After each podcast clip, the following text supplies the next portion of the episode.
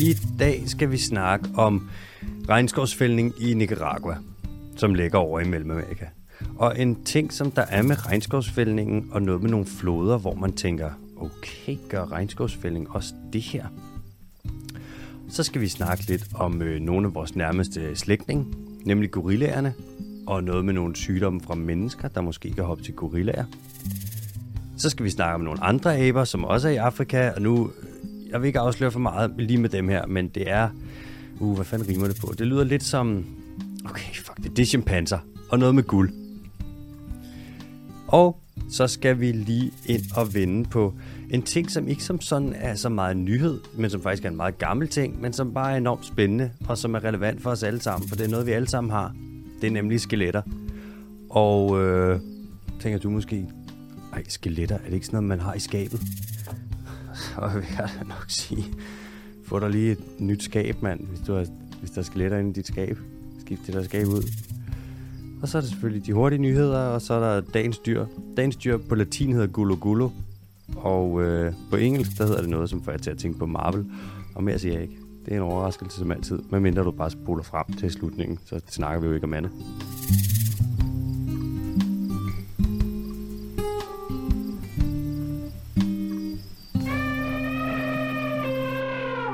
Velkommen til den Dyrske Teams podcast.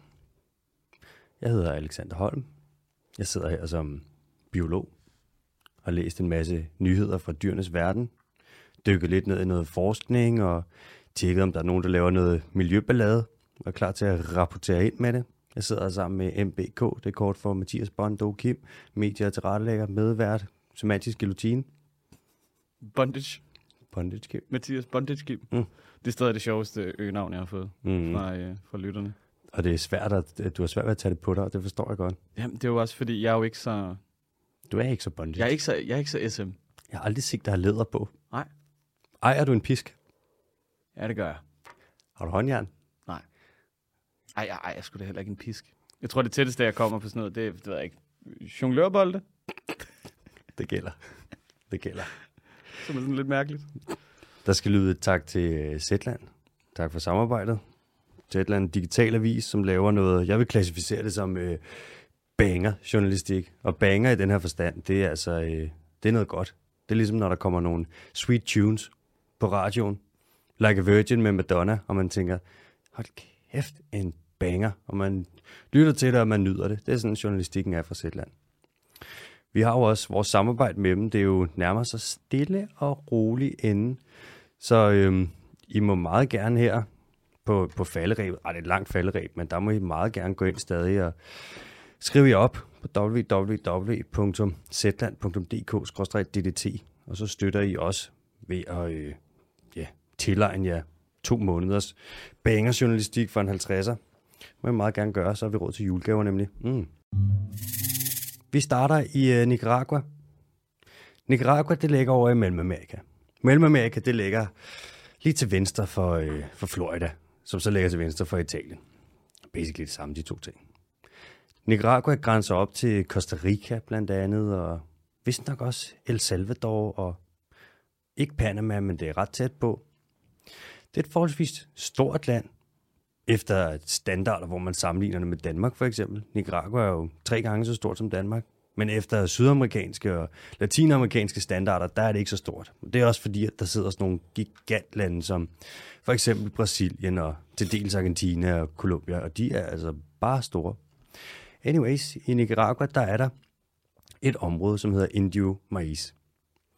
Og det er et af de største beskyttede regnskovsområder, der er i hele Mellemamerika. De andre regnskovsområder, det, eller det eneste, der er større, det er jo så det, der ligger op ved Guatemala og øh, Mexico og Honduras. Det der Mayan Reserve deroppe, som vi også har snakket om før.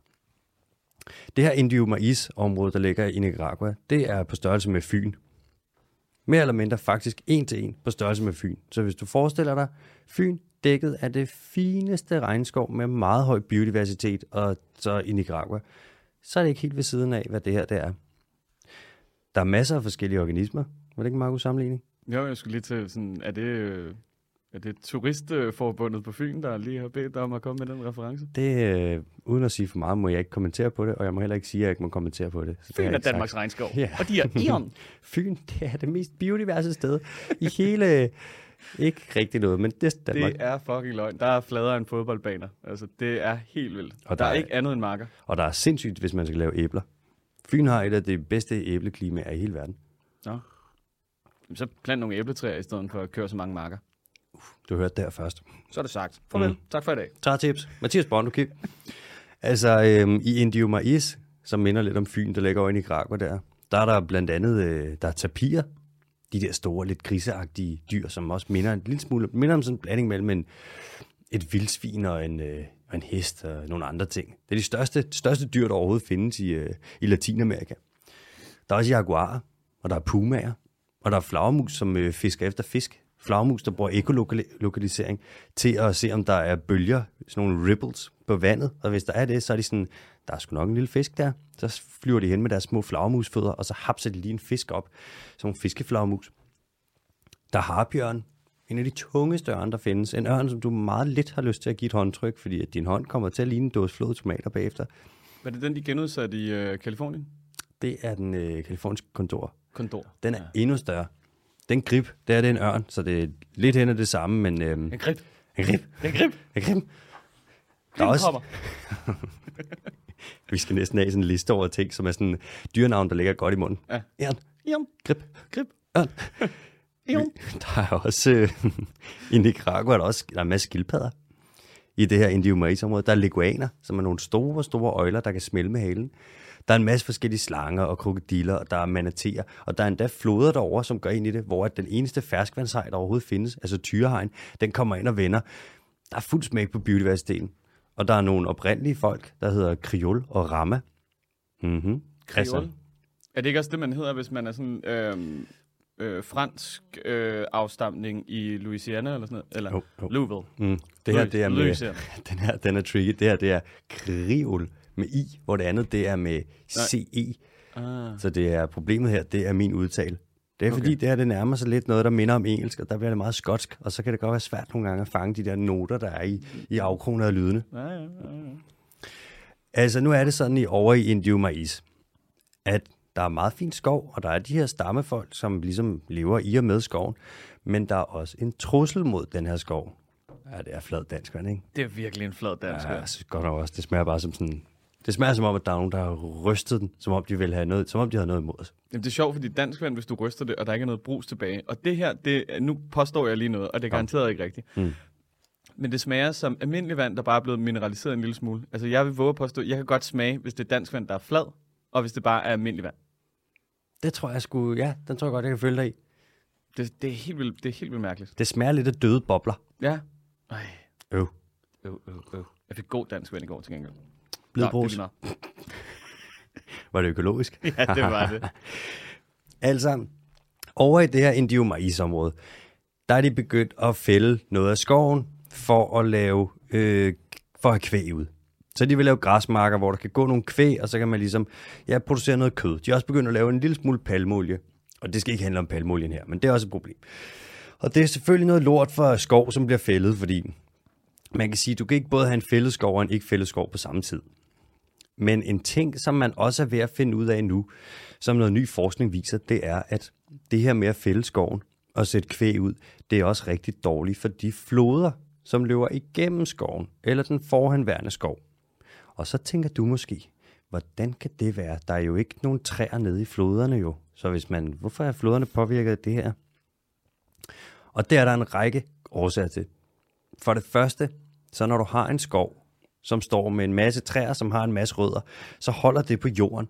Og når det så regner, og det ene og det andet, så bliver alt jorden ikke vasket væk, fordi at træernes rødder ligesom holder på det. Hvis de ikke gør det, så kommer der erosion, og så kommer alt det her mudder og jord og sand og alting, det kommer ned i vandet.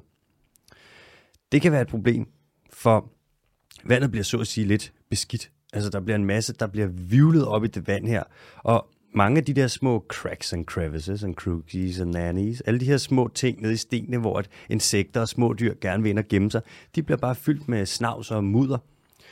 Det er ikke så nice. Ja. Øh, er der bare... Ej, min, seng, min køjeseng er blevet til mudder. Det er jo ikke så nice, hvis du gerne, hvis du gerne vil overleve. Der er også en masse, når der er træer rundt om en flod, så falder der en masse træstammer og grene og blade ned i vandet, og det laver jo nogle habitater. Det er lidt ligesom, hvis du smider et juletræ ud i søerne, så kan man se, så er det, eller det er et andet træ. Så Ja, eller en Coca-Cola-flaske ude i Gribskov. Ja, for eksempel. Og så hvis du laver, hvis du laver tre af Coca-Cola-flasker og smider det ned, så vil småfisk kunne gemme sig inde i det her Coca-Cola-flaske gren, og så kan gederne, de stå, ikke geder ude på marken, vel, men de der vandgederne, så kan de ikke komme ind og jage dem. Så det er også vigtigt, at der er træstammer og alt det her, der ligger nede i vandet. En anden ting, der også sker, det er, at hvis du fælder alle træerne, og deres rødder ikke holder på alt det her jord, så bliver bankerne, altså siderne af floden, de bliver ustabile. Og så begynder de at smuldre, og så i stedet for, at vandet laver sådan nogle, den kurver sig og bliver sådan en fin, slanget flod, så bliver den mere lige, fordi alle bankerne bare bliver reddet af, og så bliver den bare sådan lige strømlignet, og så løber vandet hurtigere, og det er ikke så nice, hvis du er en lille fisk, eller en lille, et lille krabstyr, der godt kan lide det, går stille og roligt, at det så går meget stærkt. Uh, Så kommer der bare en regulær motorvej. præcis. Og det er ikke så nice, hvis du mere er til grusstier. Er den firebanet? Den her, den Er det sådan en rigtig øh, kalifornisk motorvej? Det er syd for Kalifornien, så kun trebanet, men det er fordi Mellemamerika er lidt smallere, så der er mindre plads, bro. Har du set de der infrastrukturspilleder, der er fra, fra LA, hvor man er sådan, hver gang, at der er problemer med, øh, hvad der hedder, for mange biler, så er man sådan, vi smider der bare lige en vej til på den motorvej. Det er I stedet for at skabe noget infrastruktur omkring, øh, hvad det hedder, offentlig transport eller et eller andet. Det er så vanvittigt, hvor, meget, hvor mange baner de ikke har i de der store, på de der store motorveje efterhånden. Det Jeg tror, der er sådan noget 7-8 nogle steder. det er vanvittigt. Prøv at forestille dig at krydse på tværs, fordi du lige har glemt, der kommer en afkørsel om 500 meter. Eller lave en uvending. Åh, oh, fuck, jeg har prøvet at gøre det i GTA, og det var der kørte jeg, gik da, galt. kørte jeg næsten galt hver gang. Altså, alt i alt, så er det ikke så smart at fælde skov og sætte øh, køer ud, kvæg ud, hvis du gerne vil have en øh, flod, der har det godt. En anden ting, der er med det, den her sag over i Indio Mais, det er, at øh, Nicaraguas Ministerium for Miljø og Naturressourcer, de har valgt at øh, høre om det her problem. Eller det har de så ikke valgt, det er jo en passiv proces, men de har hørt om det her problem, og deres respons har været, at øh, de har trukket sig lidt fra det, og så har de endda fjernet noget personale, som ligesom skulle arbejde med at øh, sætte en stopper for det her.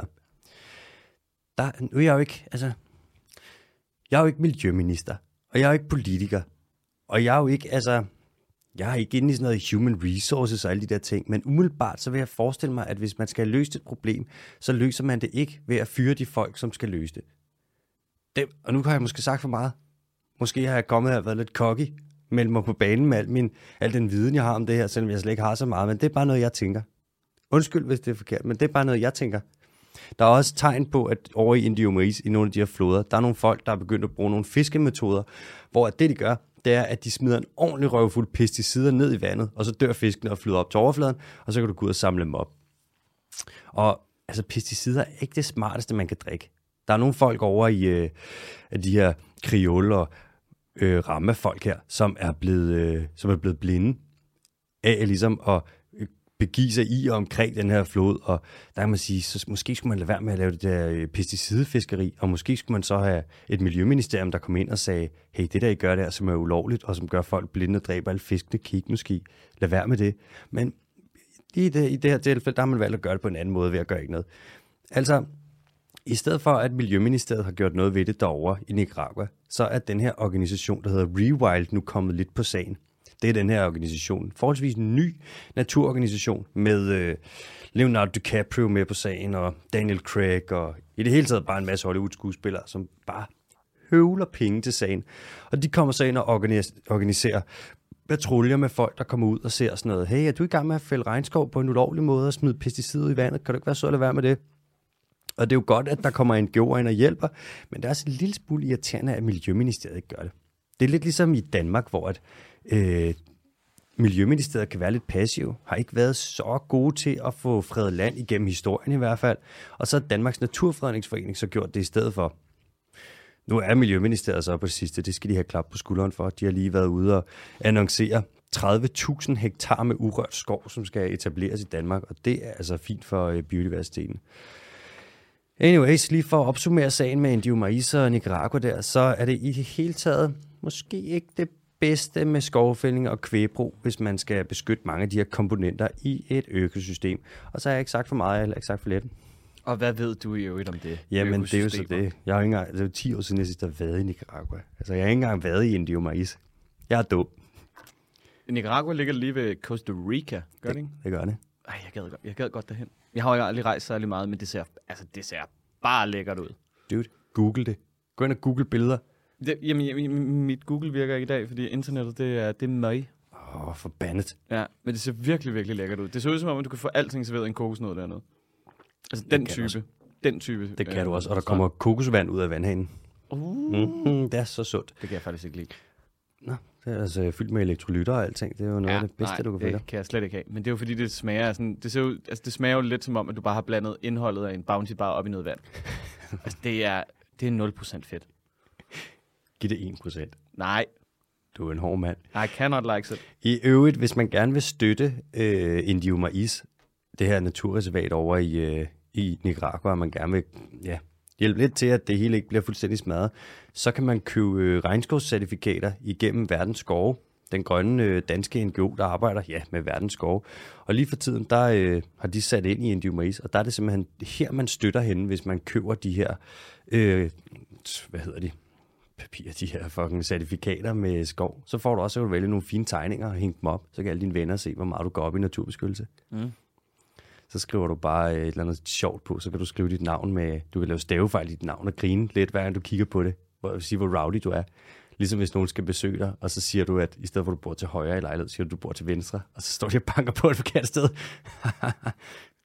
Nu tænker jeg, altså, der var jo, om, om man ikke kunne gøre noget sjovt ud af det der Nicaragua, sådan, øh, og købe noget regnskov dernede, om man kan give dem en eller anden titel, som man har i Nicaragua, hvis man er et eller andet. Kan du ikke huske, der var øh, Hmm. på et tidspunkt, hvor der var sindssygt mange, så køber de sådan noget øh, 4 kvadratmeter, eller sådan noget, på et gods over i Skotland. Mm. Og så fordi du ejer de 4 kvadratmeter, så kan du kalde dig lord. Eller eller Nå andet. ja, Altså, så er du teknisk berettiget til at gøre det. klart.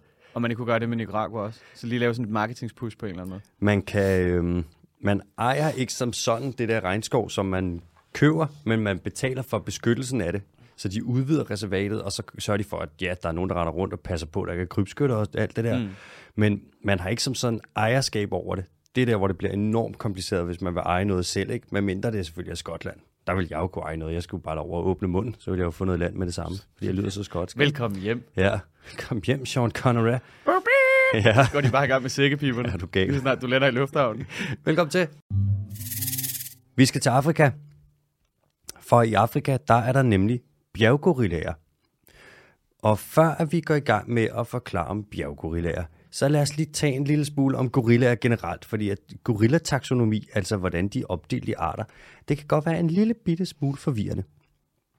Det er sådan med gorillaer, at der findes to arter. Der findes den vestlige og den østlige. Den vestlige, den findes til venstre i Afrika, og den østlige findes til højre i Afrika. Hvis man kigger på den vestlige, så findes det cirka der, hvor at, hvis Afrika, man forestiller sig, det er sådan en, øh, der laver, den laver det der hak ind. I toppen er den lidt buttet, så kommer der et hak ind, og så bliver den lidt smallere. Det der hak ind, cirka der, hvor armhulen vil være der, det er der, hvor den vestlige gorilla den er. Altså Kongo og Gabon og Ekvatorial Guinea og Nigeria. I øvrigt så Kongo, det er lidt forvirrende, fordi det er jo både øh, en skov, og så er det et land, som hedder Kongo, og så er det en del af navnet et andet land, der hedder den Demokratiske Republik Kongo, som ikke ligefrem er det mest demokratiske sted i verden, men det er jo, skal vi ikke snakke om her. Det kan også være en måde sådan lidt at danse på, ikke? Jo, det er da også rigtigt. Står du der og danser Kongo? Ja, ja. Nej, det er faktisk salsa i dag. Men, bongo. øh, men det kommer. Hvis man kigger på den anden art af gorilla, så findes den over til, øh, ja, til højre i Afrika, i Rwanda og Uganda og den demokratiske republik Kongo. Hver af de her to arter af gorilla har to underarter. For den vestlige, der er det Cross River gorilla og øh, vestlig lavlandsgorilla, og for den østlige, så er det østlig lavlandsgorilla og bjerggorilla. Så de har begge to en lavlandsgorilla. Så det er to arter, fire underarter. Og det bliver hurtigt en lille smule, så kan man godt blive lidt forvirret. Men når du tænker på en gorilla, og en helt klassisk gorilla, så tænker du på den vestlige lavlandsgorilla. Det er klart dem, der er flest af. Tænkte du lige på den der? Jeg tænkte lige på en gorilla der. Det var en vestlig lavlandsgorilla, du tænkte på. Det var det. Hvis du har set en gorilla i en zoologisk have, så er det en vestlig lavlandsgorilla. Det er nemlig de eneste gorillaer, man har i zoologiske haver. Med undtagelse af en zoologisk have, som ligger, jeg tror det er i midten af Afrika, hvor de har en østlig lavlandsgorilla. Men ellers så alle de andre, det er vestlige lavlandsgorillaer. Den gorilla, som vi så tænker på, det er også den mindste af alle arterne. Og øh, det er også den mest talrige. Der findes omkring 100.000 af dem, og alle de andre arter af gorilla, eller den anden art de tre underarter, der findes der altså under 10.000. De er virkelig, virkelig, virkelig troede.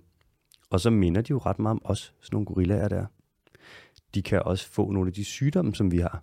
For eksempel, og nu siger jeg en sygdom, som jeg ikke ved, om du har hørt om derude, om du har ved om, hørt om, Mathias Bonneke, men øh, noget, der hedder covid-19. Coronavirus. Ronan. Rona. Det kan ramme gorillaer. Og så har man regnet lidt på, hvad kan der ske, hvis gorillaer de får covid-19? Man har kigget på bjerggorillaer i Rwanda. Rwanda. Rwanda. Jeg ved aldrig, hvordan man siger det der. Hvordan siger man det? Uh, Rwanda. Rwanda. Rwanda. I, Du skal se den der film med Don Cheadle. Han siger det masser af gange. Hotel. Rwanda. I Rwanda, der er der cirka 1000 bjerggorillaer tilbage. Så det er det, man kalder en ret, en forholdsvis skrøbelig bestand. Der skal jo ikke så meget til at dræbe cirka 1000 gorillaer. Det, der skal du cirka bare aflive 1000 af dem, ikke? Der er en gut fra Syddansk Universitet, som hedder Fernando Colchero, som har lavet et studie, hvor de har regnet med en masse matematiske modeller med en masse variabler. Så har de regnet på, hvad sker der, hvis de her bjerggorillaer, hvis de får covid-19? Og alle de her modeller, eller størstedelen af dem, lidt over to tredjedel af dem, de viser, at inden for 50 år, der vil gorilla, gorillabestanden, den vil kollapse. Og det er jo faktisk, når man tænker på, at der er 1000 gorillaer, og en sygdom, og det skulle tage 50 år for dem at kollapse, så er det jo faktisk sådan ret lang tid, de holder ud. Og det skyldes altså den her fordel, som gorillaer har, som mennesker ikke har i forhold til øh, covid-19. De lever nemlig i super tætte familiegrupper, så de har på en eller anden måde sådan en form for social distancing. De er ikke så glade for at interagere med andre familiegrupper. Selvom at de lever i sådan ikke et så stort område, der er de alligevel sådan ret private og sådan, ikke dem der derovre. Nej, jeg orker, jeg orker ikke familien Bengatti. Du kan godt holde det der Uganda-familie væk fra mig, tak. Det her, det er kun Rwanda her. De er meget, ja, det er lukkede familiegrupper, og så er det ikke så meget smitte, der ligesom bliver spredt. Og det er meget godt, fordi at øh, sådan nogle respiratoriske sygdomme, som for eksempel covid-19, det kan altså være, at det kan ramme dem ret hårdt. De bliver ikke så eksponeret gorillaer ude i junglen, som vi gør som mennesker her, hvor vi render rundt i junglebyen, The Concrete Jungle. I 1988, der var der en gruppe øh, bjerggorillaer, som fik en sygdom fra vist nok noget, uh, jeg kan ikke huske jeg tror, der er noget mæslinger, der udviklede sig til et eller andet. Og så blev de syge, og der var seks gorillaer, der nåede at dø, og en masse andre, der blev, øh, der blev syge. Og så gik man ind, og så vaccinerede man simpelthen alle sammen. Tog man alle de her gorillaer i det her område og tænkte sådan, fuck det, de skal ikke dø. Så de fik alle sammen lige et skud. Og man tæ- har overvejet at gøre det samme nu med dem med covid. Simpelthen at give dem vacciner. Og det kan næsten lade sig gøre, for 70% af alle verdens bjerggorillaer, de er vant til mennesker. Der er simpelthen så meget, der er så meget økoturisme af folk, der kommer ud og lige skal se gorillaer, så de er sådan, mennesker for dem, det er egentlig fint nok, det er meget nemt at komme tæt på dem, og det er meget nemt at vaccinere dem. Men de sidste 30% af gorillaerne, de er ikke vant til mennesker. Det er jo så 30% af omkring 1000. Bup, bup, bup, bup, bup, bup, bup, bup. Ja, nu har jeg ikke en lomregner på mig. Jeg har 74. omkring 74 plus minus. Det er en del gorillaer, man skal ud, som ikke er vant til mennesker. Som du skal ud, og så skal du vaccinere dem. Og alle ved, at hvis det skal være godt, så skal de have to skud. Det er ret omstændigt at skulle komme ud og vaccinere 300 vilde gorillaer. Specielt når man tænker på, at De der kan bare banke dig. er du gal, mand. Hannerne, sådan en bjerggorilla, han, det er jo, vi snakker over, de tjekker jo ind på, de små af dem vejer 150 kilo, ikke? Og de flinser dig, og du vil jo ikke komme i øh, en situation, hvor du bliver nødt til at skyde dem, fordi du, der er tale om et kritisk troet dyr, så du vil være sådan, det er svært at komme tæt på dem, hvis de ikke vil have, at du skal tæt på dem. Mm. Og du kan ikke komme ind og sige, men prøv nu at høre, du skal jo ikke være anti-vaxxer, du skal jo ligesom være med på den her, ellers får vi aldrig stoppet pandemien. Det forstår gorillaer bare ikke. Det er kloge dyr, men så kloge er de altså ikke. Ah, altså... så betragter vi os selv som klogere end gorillaerne. Jeg tror også, der er i hvert fald en 20-30 procent også derude, der ikke gider at have vaccinen, som også er anti -vaxxer. Så det er ikke fordi, at fordi vi har nogle frontalpandelapper, der er større end dem, at vi er meget, meget klogere. Altså, Det er seriøst ikke engang løgn. det, er jo, det er jo helt vildt. Det er seriøst ikke engang løgn. Skørt, mand. Bare få den fucking vaccine, så skal, øh, skal vi da glemme det der covid. Du ved, bare begynde at sælge nogle patroner med vaccine i, og så give dem til krybskytterne, og så kan de rende rundt, og så gør de rent faktisk noget godt. Det kunne være lol. Men det var jo, jamen, det, det kan man jo godt, altså infiltrere kriminelle systemer på den måde. Der var jo den der sag i, hvad var det, i Italien, hvor de havde givet en app til nogle kriminelle, Nå ja, hvad fanden var det nu, det var? og så var de begyndt at kommunikere igennem den her kriminelle WhatsApp-agtige ting. Ja. Og så havde politiet bare trukket al information ud. Så er det sådan, "Nå, okay, han skal ned og mødes med Dennis, han skal have 400 gram coke eller et eller andet. Nå, okay, Det cool. seriøst bare survival of the fittest. Jeg tror også bare, du ved, lavest ned i fødekæden i de kriminelle miljøer. Jeg ved ikke, om det er de, sådan, de klogeste sataner, der lige befinder sig dernede. Så de har det jo måske med at dele de der telefoner ud og Ja. apps og sådan noget. Prøv den her nye app. De finder aldrig ud af, hvad vi smugler. Nej. Du troede ikke, du kunne ringe? Den her, de kan ikke wiretap den. Ups. Ja, shit, mand. Vi bliver ved aberne. Apperne. Vi bliver ved apperne, og Apperne. vi bliver sgu også i Afrika.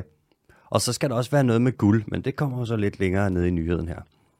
Fordi nu skal det handle om øh, chimpanser. Og fuldstændig ligesom at gorilla-taksonomi, øh, det kan være en lille smule sådan, det kan være en lille smule kompliceret, så er det det samme med chimpanserne. Der findes kun én art af chimpanse. Den hedder Pantroglodytes. Men der findes fire underarter, eller hvis du spørger nogen, så findes der fem. Vi er ude i et subspecies-species complex problem. Der er... Ja, men seriøst. Nogle gange, der er det sådan noget, åh, de der diskussioner, man ved bare primatologerne, altså primater, aber, det er det de mest studerede felter, der overhovedet er inden for biologien. Der er så mange primatologer, folk elsker jo aber, og de kan bare blive uenige. Jeg kan ikke svare på, hvor mange arter, der findes af abe. Jeg ved ikke, om der er, der er mange, der kan svare, men der er mange, der også vil være uenige med dem. Det bliver en... Og så hvis du går ud i underarterne også, shit, Det er en blindgyder af diskussioner. Ja, undskyld, jeg banner, men huha, shit. der er fire underarter, fire. Der er den centralafrikanske chimpanse, som, når man hører centralafrikansk, så tænker man, så bor den vel for helvede lige midt i Afrika. Og det gør den ikke. Den bor lige derovre i armhulen, der hvor den vestlige gorilla, den lever. Så er der den østlige chimpanse, og den bor, sjov nok, lige midt i Afrika. Og jeg er sådan helt ærlig, mand, så svært er det fandme ikke. I øvrigt, så er den østlige chimpanse, dens latinske navn, det er Pantroglodytes, det er jo så chimpanse. Og underartsnavnet, det er Schweinfurti. Og jeg har, jeg har undersøgt, der var sådan, hvem fanden er det, der hedder Schweinfurti, som har beskrevet den? Der er en eller anden gut, højst sandsynligt, fordi det var jo i gamle dage, da man tog ned og fandt de her ting. Det var altid mænd. Kvinder havde jo ikke, de, tog, de var jo ikke opdagelsesrejsende. Det måtte de jo slet ikke dengang. Så der har været en eller anden gut nede, og så har han fundet den her underart af chimpansen og fået den beskrevet, og han har fundet et eller andet træ, der også hedder Schweinfurti, og en akacie, tror jeg også. Altså, jeg aner ikke, hvem det er, men der har været en Schweinfurti, der har været naturalist. Det er en øh, Det er en meget nørdet form for arrogance at sige sådan, hey, den der, det, nej, den skal hedde mig. Ja, den skal hedde mig, og jeg skal ikke engang nævnes. Nej. De kommer til at finde ud af, hvem jeg er. Schweinfurti. Schweinfurti. Anyways, så er der den vestlige chimpanse. Den findes helt, helt over til venstre. Altså over ved øhm, Afrika, så er der der, hvor den har den der... Den, okay, man møder Afrika, så bliver den meget bred. Og hvis man så tager over på venstre side ud mod Atlanterhavet, så der, hvor den ligesom er bredest, lige under der, der kommer alle de der lande, sådan noget Elfenbenskysten og Sierra Leone, og så kommer Guinea, og der ligger en masse lande der, som og Côte d'Ivoire. Og der er altså også regnskov herover. og Der er, Er den det, ikke vestlige... er det ikke en type is? Nå jo, det er Carte d'Or. Sorry. det er ligesom øh, Chateau Motel og Gâteau Marcel. Ja, og den ene er en chokoladekage, og den anden det er en klub med en meget farlig trappe. Så er der en chimpanse, som hedder Nigeria Cameroon chimpansen. Og det er et af de navne, som jeg elsker, fordi det siger præcis, hvor man kan finde den. Det er i grænsen mellem Nigeria og Cameroon. Det er det perfekte navn. Det er ligesom hvis noget hedder, det her, det er så Koldingpadden, fordi den findes i Kolding. Ingen er i tvivl, det er nice. Der er ikke nogen, der er sådan, Schweinfurti, hvem? Der kan man altså lære noget. Og så er der måske også den sydøstlige chimpanse. som der er en gut, der hedder Colin Groves, som foreslog, at man skulle have. Og han var altså øh, primatolog, og så var han, han var biolog, og så var han også antropolog. Og hvis du er antropolog og biolog, og du så tager og arbejder med aber, så kan du også integrere sådan noget som for eksempel kulturerne inden for deres flokke, og bruge det til at måske at beskrive en ny underart. Lidt ligesom man faktisk gør det, eller så ikke gør det, man kunne gøre det med spækhugger, hvor du kan kigge på kulturen, så at sige, inden for øh, de her forskellige grupperinger af spækhugger og sige sådan, så er der måske tale om en underart, fordi de her, de gør noget helt andet end de andre. Anyways, Colin Groves, han døde også i 2017. RIP, dygtig, dygtig fyr, gjorde nogle sindssygt vigtige ting for øh, primatforskning, altså abeforskning, men nu er han død, og han har ikke, det her, det blev aldrig... Øh, Ja, af, nej, det blev aldrig rigtig afklaret. Så nu er man sådan, der er nok 4,5 underarter af chimpanse. Og den er sydøstligt lokaliseret, rent geografisk, eller er det bare noget, han også lige fandt på? Ja, det er så det. Jeg gav op efter det der med ja. den uh, centralafrikanske, der lå helt ud til venstre. Hvad fanden foregår der? Men ja. altså, som du har sagt flere gange i programmet, du er heller ikke geolog. Nej, ikke geolog, men du er ikke så god til geografi. Eller er du god til geografi? Det har jeg aldrig nogensinde sagt, det der. Det siger du aldrig nogensinde igen. Jeg kan godt du er ikke, du er ikke geografilærer. Du er ja. heller ikke matematik. Jeg, jeg, er dårlig, jeg er dårlig stedsands. Men jeg kan alle mulige ting med landet. Ja, det er godt nok nogle omveje, vi kommer på en gang imellem, når vi cykler gennem København. Ja, det er ikke engang løgn. Ja. Det er den længste vej fra A til B. Ja, det er sådan noget, jeg er ikke sikker på, at Slagelse ligger i Nørrebro. Men lad os prøve. Ja. Hvis man går over, hvis vi skal til Guinea nu, fordi der sker noget ballade. Ikke Ny Guinea. Det Eller det. Papua Ny Guinea. Nej, og jeg ved stadig ikke. Guinea, det er jo... Jeg ved ikke, hvad fanden Guinea betyder. Det er heller ikke ekvatorial Guinea, og det er heller ikke Guinea-pik. Altså, Guinea, det er bare slynget ud. Der er et land, der hedder Guinea, ikke? Så ligger der øen Ny Guinea, hvor der ligger et land, der hedder Papua Ny Guinea. Og så ligger der et land, der hedder Ekvatorial Guinea. Og Guinea er bare... Det lyder, det lyder umiddelbart som om, hvis man bare skulle tage det ud for den her samtale, at det har noget med land at gøre. Altså Papua Ny Guinea, som i Ny Guinea. Det kan godt være. Det kan godt være. Altså, nede i Guinea, som ligger hernede i Afrika, der er der et australsk minefirma, som hedder Australia Predictive Discovery, som har boret lidt rundt. Og nu har de fundet ud af, at i Guinea, der er der et sted, hvor der ligger over 100.000 kilo guld nede under jorden. Det er cirka, man estimerer, at det er omkring 38 milliarder kroner værd. Og Predictive Discovery, det her australske minefirma, de meldte det her ud på deres kanaler i juli. Altså, vi har fundet lige knap 100.000 kilo guld. Det er det største guldfund i Vestafrika i nyere tid. Det melder de ud. Og så aktierne, de stikker helt af. Selvfølgelig alle er sådan noget, wow, okay, nu skal der fucking noget guld på bordet, mand. Men Predictive Discovery, de glemte bare at fortælle én ting. Kan du gætte, hvad det var? Det ligger lige midt i noget regnskov. Ja, de der boringer, de havde lavet for at undersøge, om der var guld, de var ulovlige. Åh. Oh. Ups. Ups. De ligger nemlig i en park, som hedder Haut-Nicher National Park. Der har man den største, det er en af de største koncentrationer, man overhovedet har af chimpanser i hele Afrika. Og det er sådan med chimpanser, at det, der er altså tale om et troet, kritisk troet dyr, ikke? Men hvor vigtigt er det i forhold til at få noget guld rundt om halsen? Men du tager den her nyhed, den bliver værd. Det er en af dem, hvor man er sådan, ej. Har Two Chains investeret? Ja, hallo, ja, det er jo Two Chains, der står bag. Og Little Wayne, der skal have nye grills. Uh. Der er nogle journalister, som har snakket med autoriteterne over i Guinea. Og autoriteterne, de siger, ja, den er god nok. De her boringer, de har lavet, de er, det er ulovligt at bore i det her område. Så har man snakket med Predictive Discovery, som siger, ja, vi har næsten fået alle tilladelser, vi overhovedet skal bruge for at lave minedrift. Og så kommer autoriteterne i Guinea og siger, ja, men altså Predictive Discovery, det er jo ikke noget med, at de eksploiterer. De udforsker jo bare. De udnytter jo ikke ressourcerne, når de bare undersøger, om de er der. Så kommer Predictive Discovery med pressemeddelelser, fordi nu kommer det jo op der med, det er ulovligt, så falder deres aktiepriser lidt, for folk er sådan, ah, det er vist ulovligt guld, så siger de, der er forrang for at lave minedrift i miljøsensitive områder. De siger simpelthen, der er precedence, at det er, det er vigtigere end det andet, man kunne tage hensyn til. Og nu skal man have nogle ting i mente her. Det vil blive en af de største guldminer i hele Vestafrika. Der er sindssygt meget infrastruktur, og der er vildt mange arbejdspladser og alting rundt om en guldmine. Og Guinea, det er altså ikke et rigt land. Men det er ikke kompatibelt med sensitiv natur at have en guldmine. Når du skal vaske guld ud, så bruger du for eksempel øh, cyanid, og du bruger kviksøl, og begge dele, det er sådan noget, det vil du aldrig putte i en smoothie. Tro mig, så skulle det virkelig være, hvis du havde dig selv.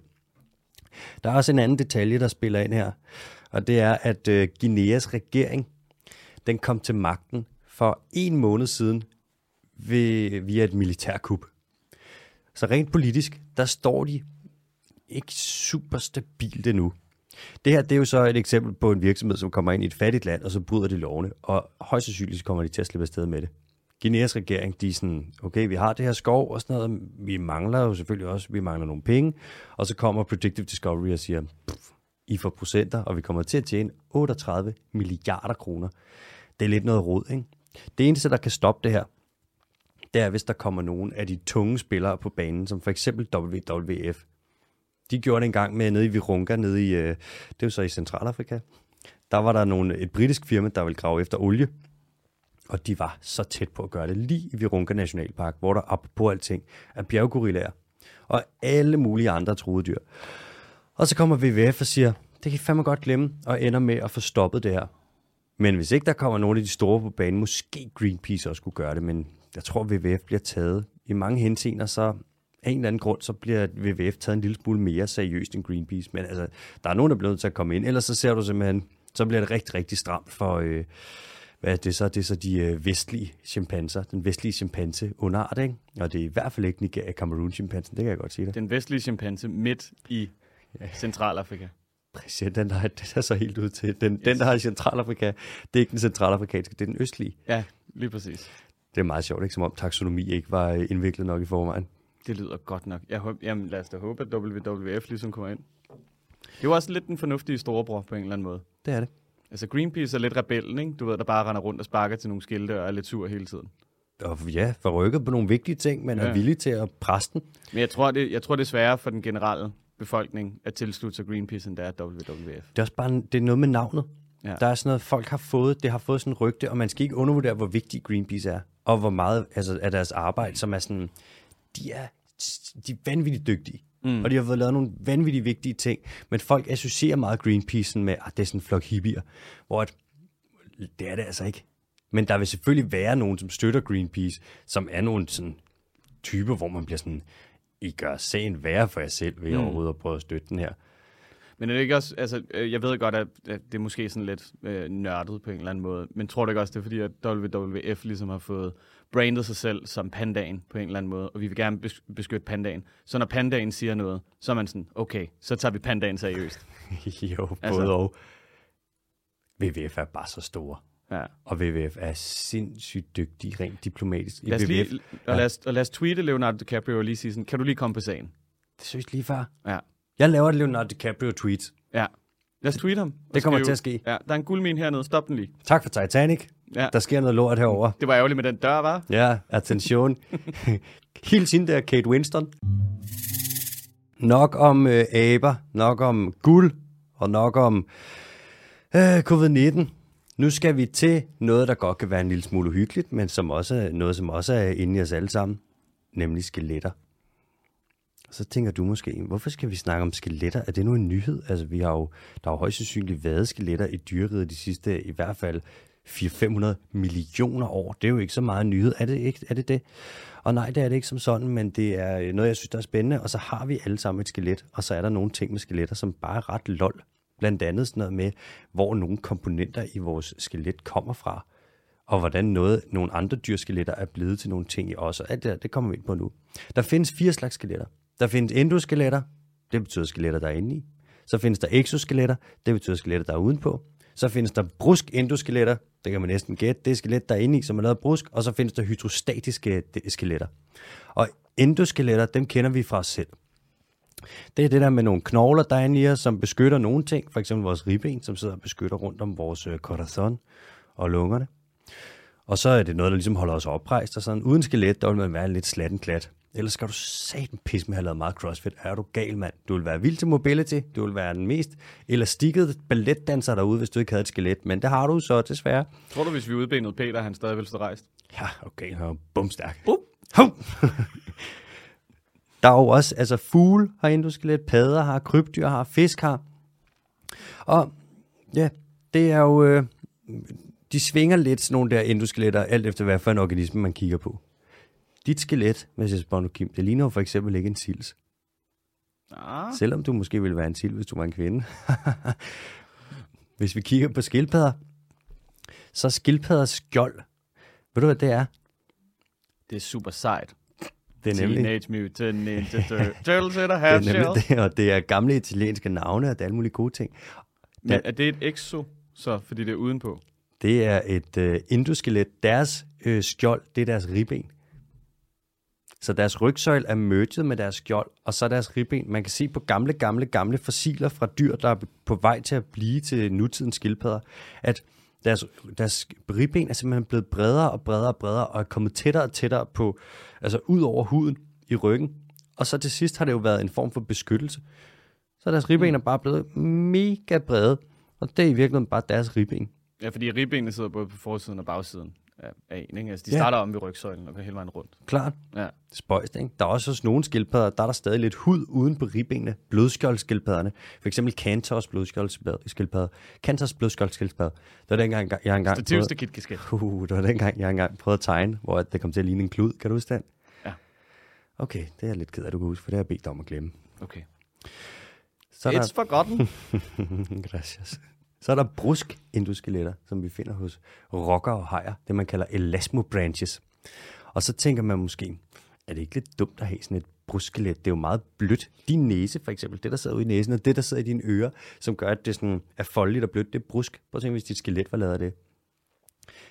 Ja. Man kan sige, det er ikke lige så hårdt som et, et øh, kollagenskelet, som vi har for eksempel, men det er meget fleksibelt, og det har også nogle fordele, og de det er ikke så tungt. Så de jo lidt, så er man lidt lettere, så er man lidt mere bevægelig og elegant på den måde der.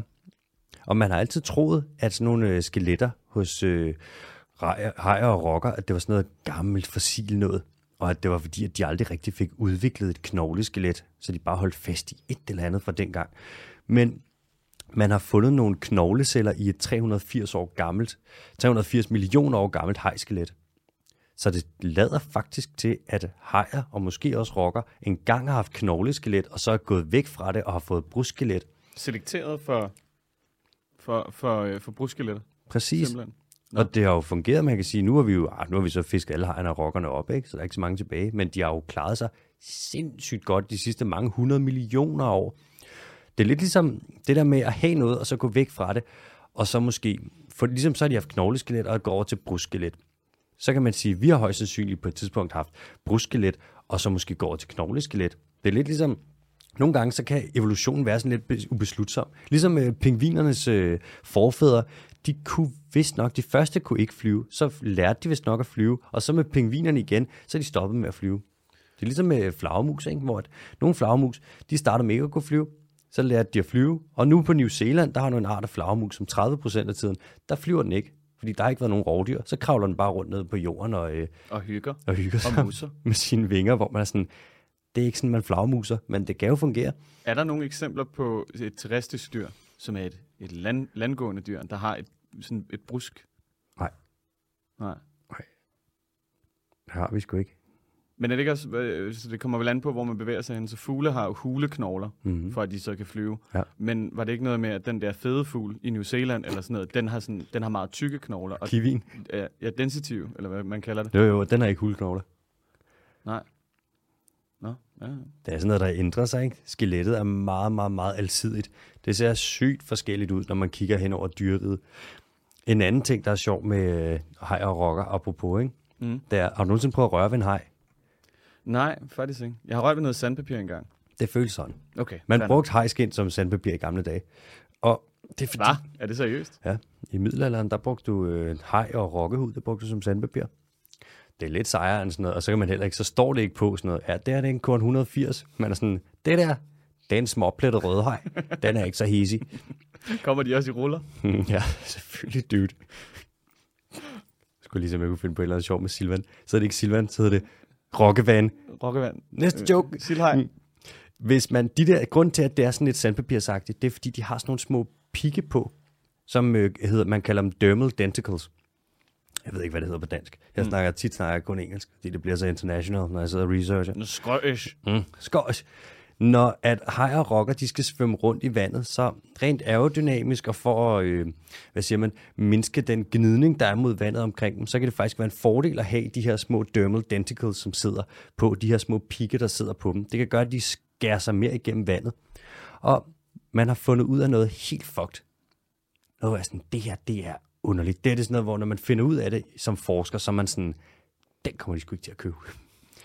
I, på Cambridge, i Cambridge, ved Cambridge, hos Cambridge, i 2017, der var der et hold forskere, der fandt ud af, at de her dermal denticles, som sidder, som opstår i nogle særlige celler i hejernes hud, det er de samme celler til dels, som laver tænder hos os. Så man har faktisk en teori om, som man mere og mere øh, kan bevise, at tænder er opstået som hudceller på de her bruskfisk. Så har der været en haj på et tidspunkt, der har svømmet rundt med de her dermal denticles på sig, og så har den lige fået hudceller, der måske lige har vokset lidt ind i munden, og så stille og roligt har der kommet noget. Så er de siddet der og blevet til nogle tænder, og så er det virket, og så er den udviklet sig videre til et eller andet, og nogle gener, et eller andet, bla bla bla, og lige pludselig, puff, så lægger du det også tandlægen. Hak, hak, hak, hak. Hak, hak, mand. Fucking borer sig alt muligt af bedøvelse i munden. Tak til hejerne. Sådan noget. Fuck, mand. Ikke okay. Der er et skelet, et skelettype, som vi mangler. Det er det hydrostatiske. Det er det, som du finder hos for eksempel øh, gobler, hos fladorm, ledorm, det er sådan noget regnorm og ilder, og søanemoner. Det er altså en, masse... en klump snask. Det har et skelet. Det, det siger man på en måde. Det er jo et, noget bindevæv og nogle muskler, som laver en kropsvæg, og inden i den, så er der det, du kalder hemofilisk væske, som basically bare sådan, det er et fint ord for en slags blod. Så kan det blive pumpet ud i forskellige dele af kroppen, og nogle dyr kan så bevæge sig sådan ved at pumpe blodet ud i det her hydrostatiske skelet, som jo ikke er knogler som sådan, men som mere er bare sådan en, en ydre væg, som ligesom på en eller anden måde beskytter dem. Ikke? Og så er der selvfølgelig exoskelettet. Finder det hos alle insekterne, ikke? Det der hårde skjold, der sidder udenpå. Hos nogle biler, der er det så hårdt, så hårdt, så hårdt. Hos nogle biler, Goliath-biler, hvis du kører hurtigt på motorcykel, og du ikke har hjelm på, og du kører med, hvad vi er, 100 km i timen, og du får en Goliath-bil i hovedet, så er du færdig, mand. Er du sindssyg? Det er et hårdt skelet. Det er hos krabstyrene, det er hos så mange forskellige dyr. Så er de simpelthen skelettet uden på kroppen. Og til synligheden, så virker det godt, fordi at der er så høj diversitet inden for de her grupper, der har exoskelet. Du snakkede også om på et tidspunkt, at var det øhm, skorpionen der har jo også et exoskelet, hvor mm. man havde fundet, var det jernpartikler? Ja, præcis. Eller sådan noget? præcis. Ja, ja. Det er jo for så sindssygt. Så stikke, stik, stik. Er det ikke vanvittigt? Hvordan er din halespids blevet så spids? Det er fordi, det er exoskelet med metal. Hold kæft. Kan du fatte det? Kan du fatte det nu? Alright, nå, vi skal til det hurtige. De hurtige nyheder i dag, de går, de er ret hurtige. Vi har jo været godt rundt med en masse forskellige ting, og ja, her kommer de. Der er en bank, over i Asien, som hedder Asian Development Bank, som er ved at låne 1,9 milliarder kroner til, at man opgraderer og bygger på en gigantisk vej over på Borneo. Og den her vej, den skal styrke palmolieindustrien imellem øh, Indonesien og Malaysia og sikre, at der er bedre bevægelse i infrastrukturen. Og her kan man sige, er det ikke meget fint, hvis man får bedre veje? Og der kan man sige, jo, nogle gange er det jo ok, og det er jo godt med flere cykelstier og alt sådan noget, men hvis man bygger en vej, som skal understøtte en øh, industri, som forårsager vanvittigt meget skovfældning, regnskovsfældning, så er det måske ikke så godt. Så der er en masse grønne NGO'er, som erklærer rød alarm og siger til Asian Development Bank, helt lige værd med at låne 1,9 milliarder dem her, for de vil bruge det på og, øh, og smadre skov.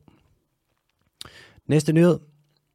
Man har fundet ud af, at hajbabyer, når de ligger inde i deres øh, æg, så hvis der kommer noget omkring, noget udenom dem, som kan være rovdyr for eksempel, eller en eller anden form for trussel, så fryser de. Altså ikke som at de har det koldt, men de stopper med at bevæge sig, og de holder vejret inde i ægget. Og de fryser i kortere tid, hvis de ligger i varmt vand, end hvis de ligger i koldt vand. Hvis de ligger i koldt vand, så er der jo så der er mere ilt i vandet, og så kan de ligge der i længere tid og fryse, hvis der ligesom er en fjende, der er i nærheden.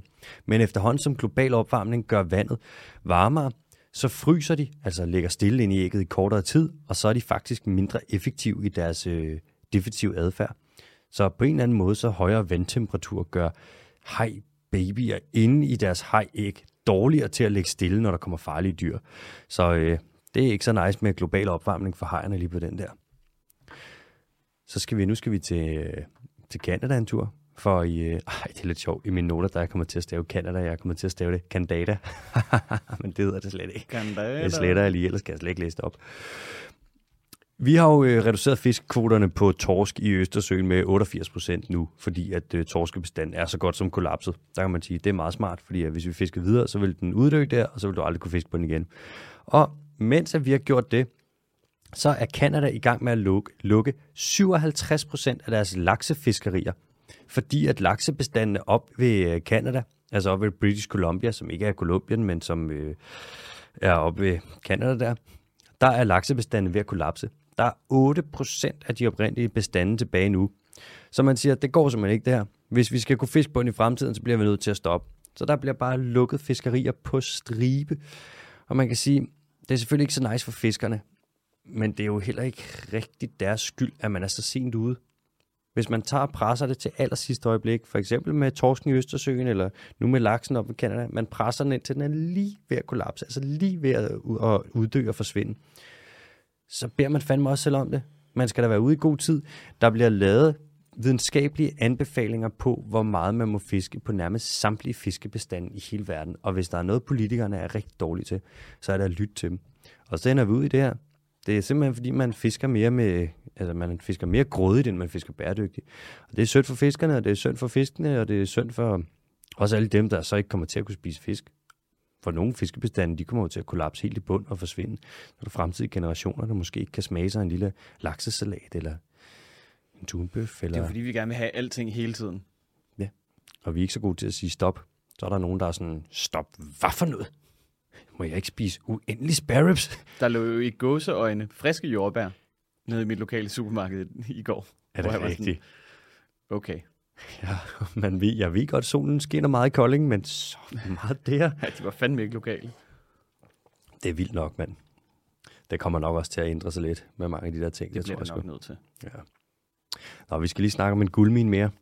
Selvfølgelig. Der er et, øh, jeg tror nok det er brasiliansk øh, mineselskab, der hedder Ghana Gold Mineração, som er i godsøjne kommet til at grave 32 gange mere guld op fra Amazonas, end de måtte. Og så er de også i godsøjne kommet til at gøre det i et øh, beskyttet område.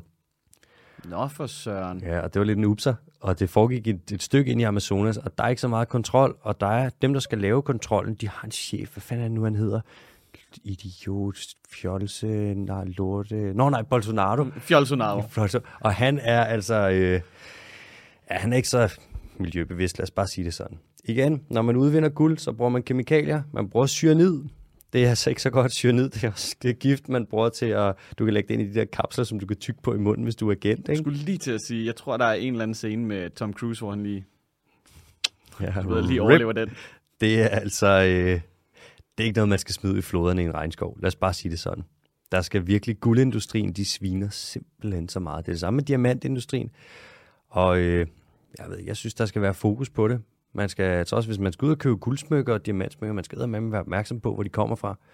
Og det der med, at man gerne vil have diamanter, der kommer fra øh, naturen, ægte diamanter, så at sige, hellere end man vil have diamanter, der er lavet i et laboratorium. Det er fint, jeg forstår det godt, men man skal vide, at de der diamanter fra naturen, man laver dem med, det er tit en høj pris, man betaler. Nogle af de der diamantminer, de sviner så meget, og de folk, der arbejder der, det er forfærdelige kår. Og det er bare en rigtig, rigtig, det er ikke for sjov, man kalder det bloddiamanter. Der er jo nogen, der er et belgisk firma i Sierra Leone, som er et kæmpestort diamantfirma. Og det, det er det samme firma, som kom ind i sin tid under koloniseringen og brugt slaver til at udvinde de her diamanter, og hvis der var nogen, der stjal, så fik de hugget hænderne af. Hvor det er sådan, det er de samme, der er der nu, og det er samme industri, og det er totalt sådan, det er bare et underligt værdigrundlag, de så har bygget videre på, ikke? Det er skørt. Det er, ja, jeg synes, det er noget lidt underligt noget. Og hvis man giver smykker, smykker er jo sådan nogle smukke ting, der symboliserer noget smukt hvis du frier til nogen, og hvis du giver nogen en, en smykke i dåb og sådan noget, så skal det da også være noget, der kommer fra ordentlige steder, hvor det er udvundet på ordentlige måder. Ikke?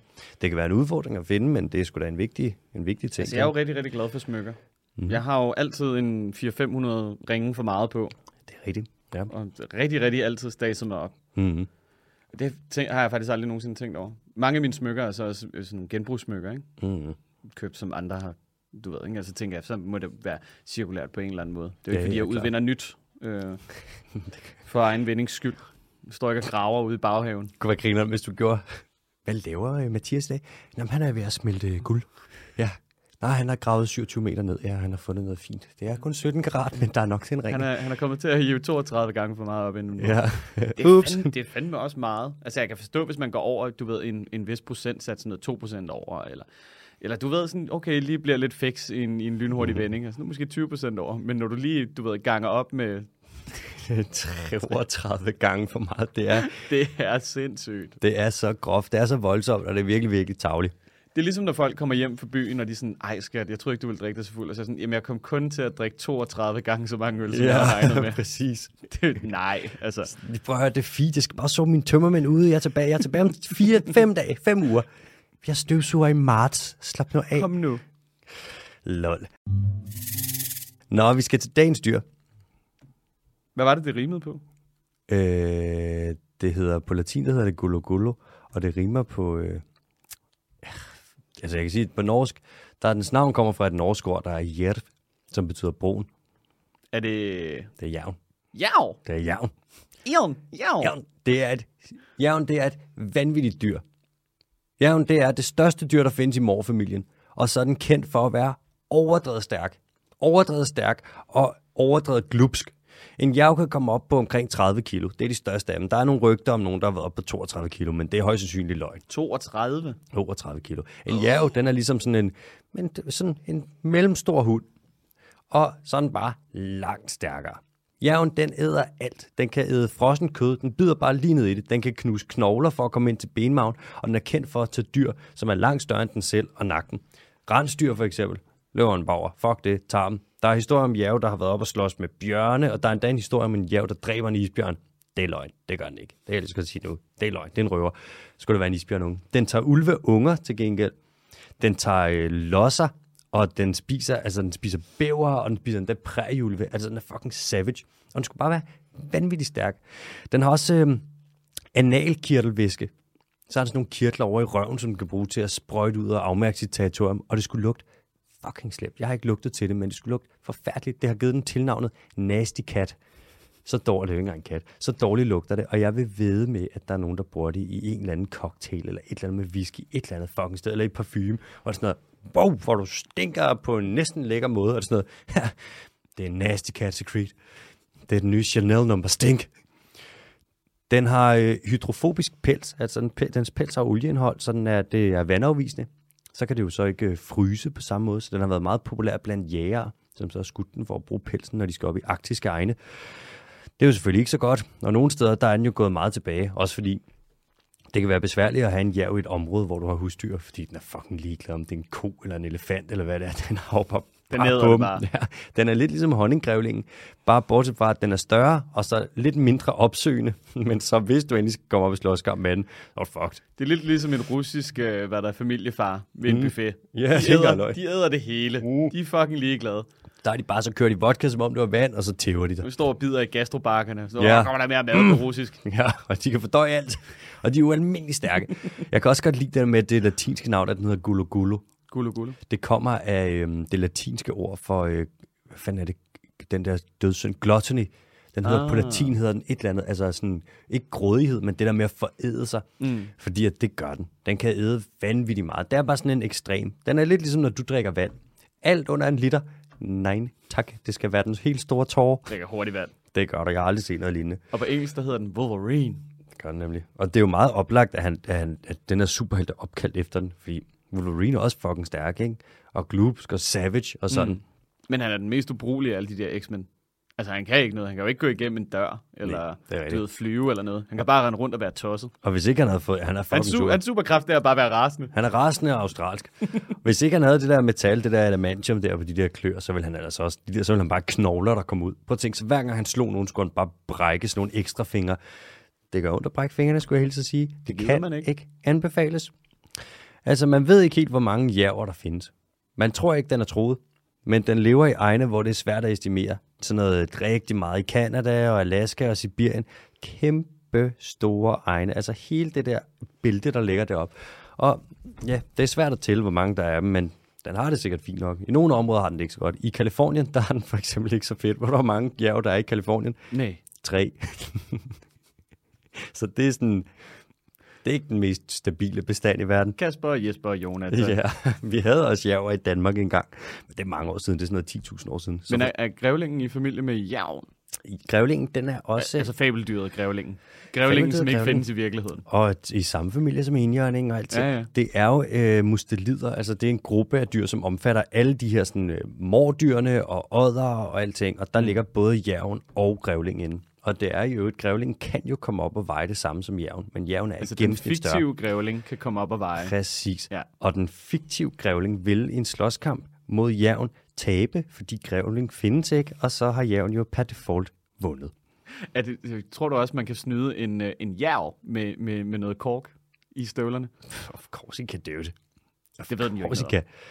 Jeg var sådan, hvis jeg nogensinde havde en jæv som et kæledyr, jeg ville være, jeg ville altid være lidt på vagt, fordi jeg ved, hvor glupsk og hvor stærk den er. Og hvis den kan tage et rensdyr, og hvis den kan slås mod en bjørn, så er en AH ikke en stor udfordring. Den der bjørn, vi snakkede om i sidste uge, ikke? der havde 17 cm pels lige i nakken, som man ikke kunne dræbe. Ja, honninggrævling. Honninggrævlingen, ja. Hva, hvem vil vinde? Er Øhm, honninggrævlingen større? Nej, honningjævlen er cirka dobbelt så stor. Okay, og- så der er no competition. Men omvendt, så kan man sige, at honninggrævlingen er basically, den er jo nærmest udødelig. Jeg så lige, der ligger bare på YouTube, hvis man søger på øh, Honey Badger Lion, så kommer der de første fire videoer op med honninggrævling, der slås med løver. Der er en honninggrævling, der slås med seks løver på samme tid, og så ender den med i sidste øjeblik at blive reddet af sin honninggrævling kammerat og slipper fra det. Hey buddy. Det er så sygt. Der er en honninggrævling, der slås mod fire løver på et tidspunkt. Den ender som med at tabe, men det er stadig en vild kamp. Den der, der er oppe og slås mod seks løver, den får bidt en løve så hårdt i næsen, at den der løve, den bare sådan, åh, løber væk fra det. Sådan.